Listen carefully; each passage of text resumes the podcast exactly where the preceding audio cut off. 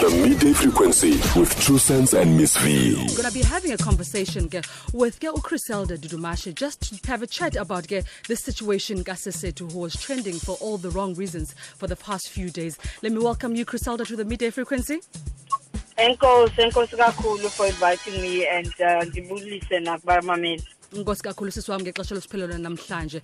Now, um can we just go quickly into it? Sibuze nje sisi wami, what conversations did you have between wena ke nosesethu?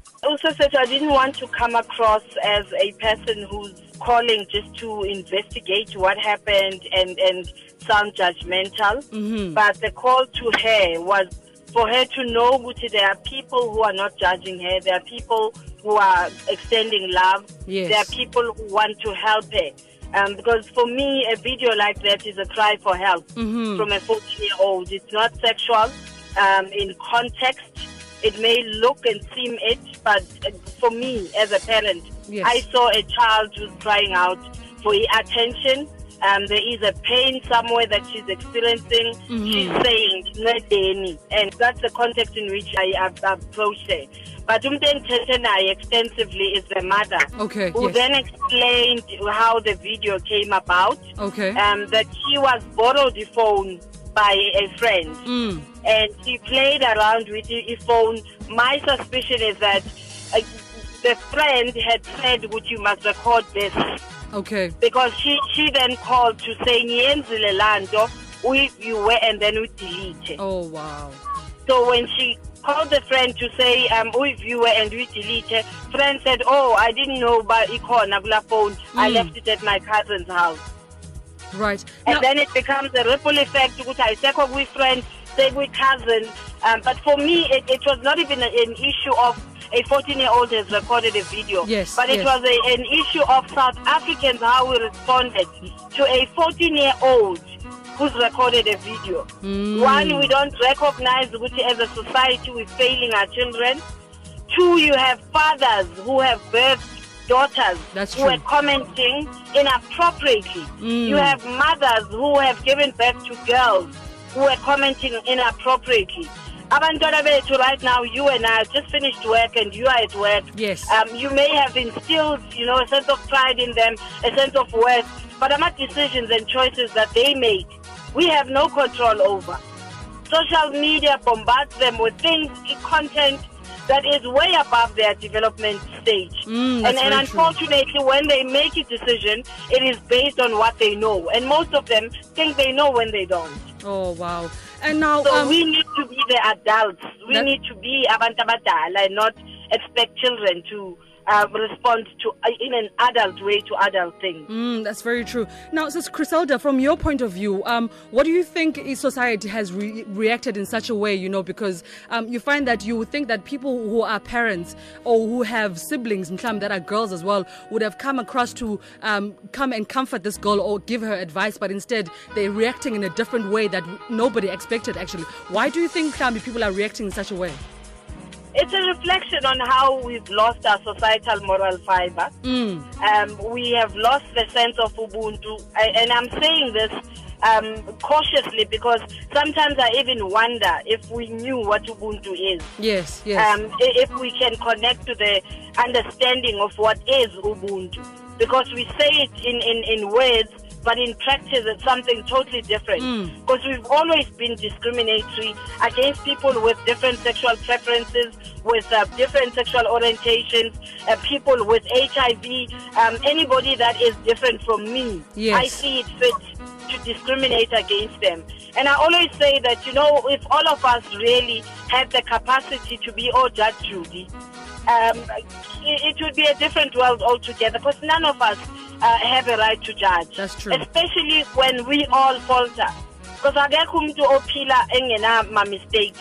What I loved about Sesethu's mom is that when she responded to my question when I asked her, how are you? Mm. How can we help you? I'm, I'm extending a hand so that we don't throw this child away. And, and, and she said to me, "Awukho umgomo womntana." I love that. For me, it's a caring mom who recognizes that my child has erred and to err is human. So how do we then help you hold your hand and find better ways of helping this child. It's going to start from the school to social development to the police. Yes, I mean, yes. it's, it's, it's like we, we need to hold each other's hands.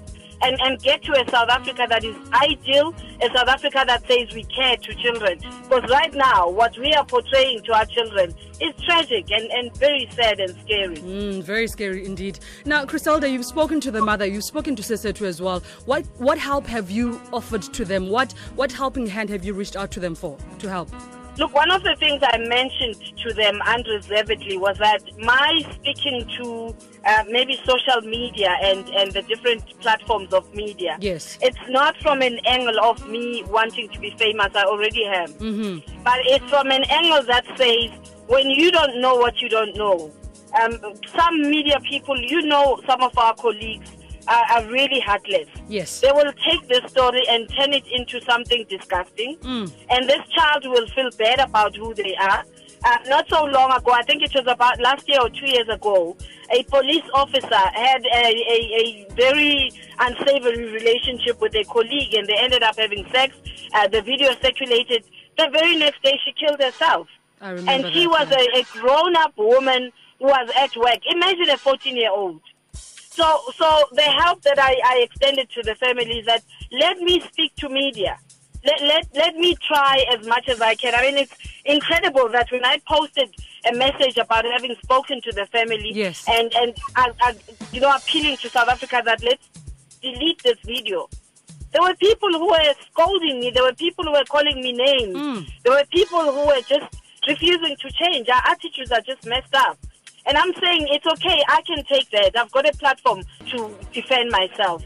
But for a family that has no defense mechanism, it would be tragic for them to engage all forms of media and not be able to receive the assistance they deserve. So I've contacted the Film and Publications Board. Yes, yes. Um, we are in conversation that we are going to go to that school. I'm waiting for their response. That we speak to the entire school and all the learners, including the teachers.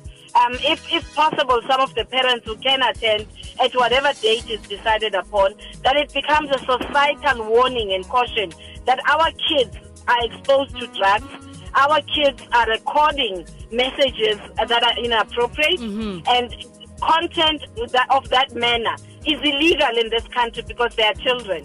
They need to know that they're breaking the law in recording the message, in sharing the message. Yes. Even the one who shared the message is breaking the law. And I took a step further against my wishes. I watched the video. Yes. And I can tell you that in that video, I see an adult edited version of what this child recorded. Mm, It- It's, it's in the angles. There's no way. You and I, I mean, in, in practical terms, Yes. there's no way I can have a view of my genitals the way that video captured them. Somebody else was in assistance, and we need to then get to the bottom of it.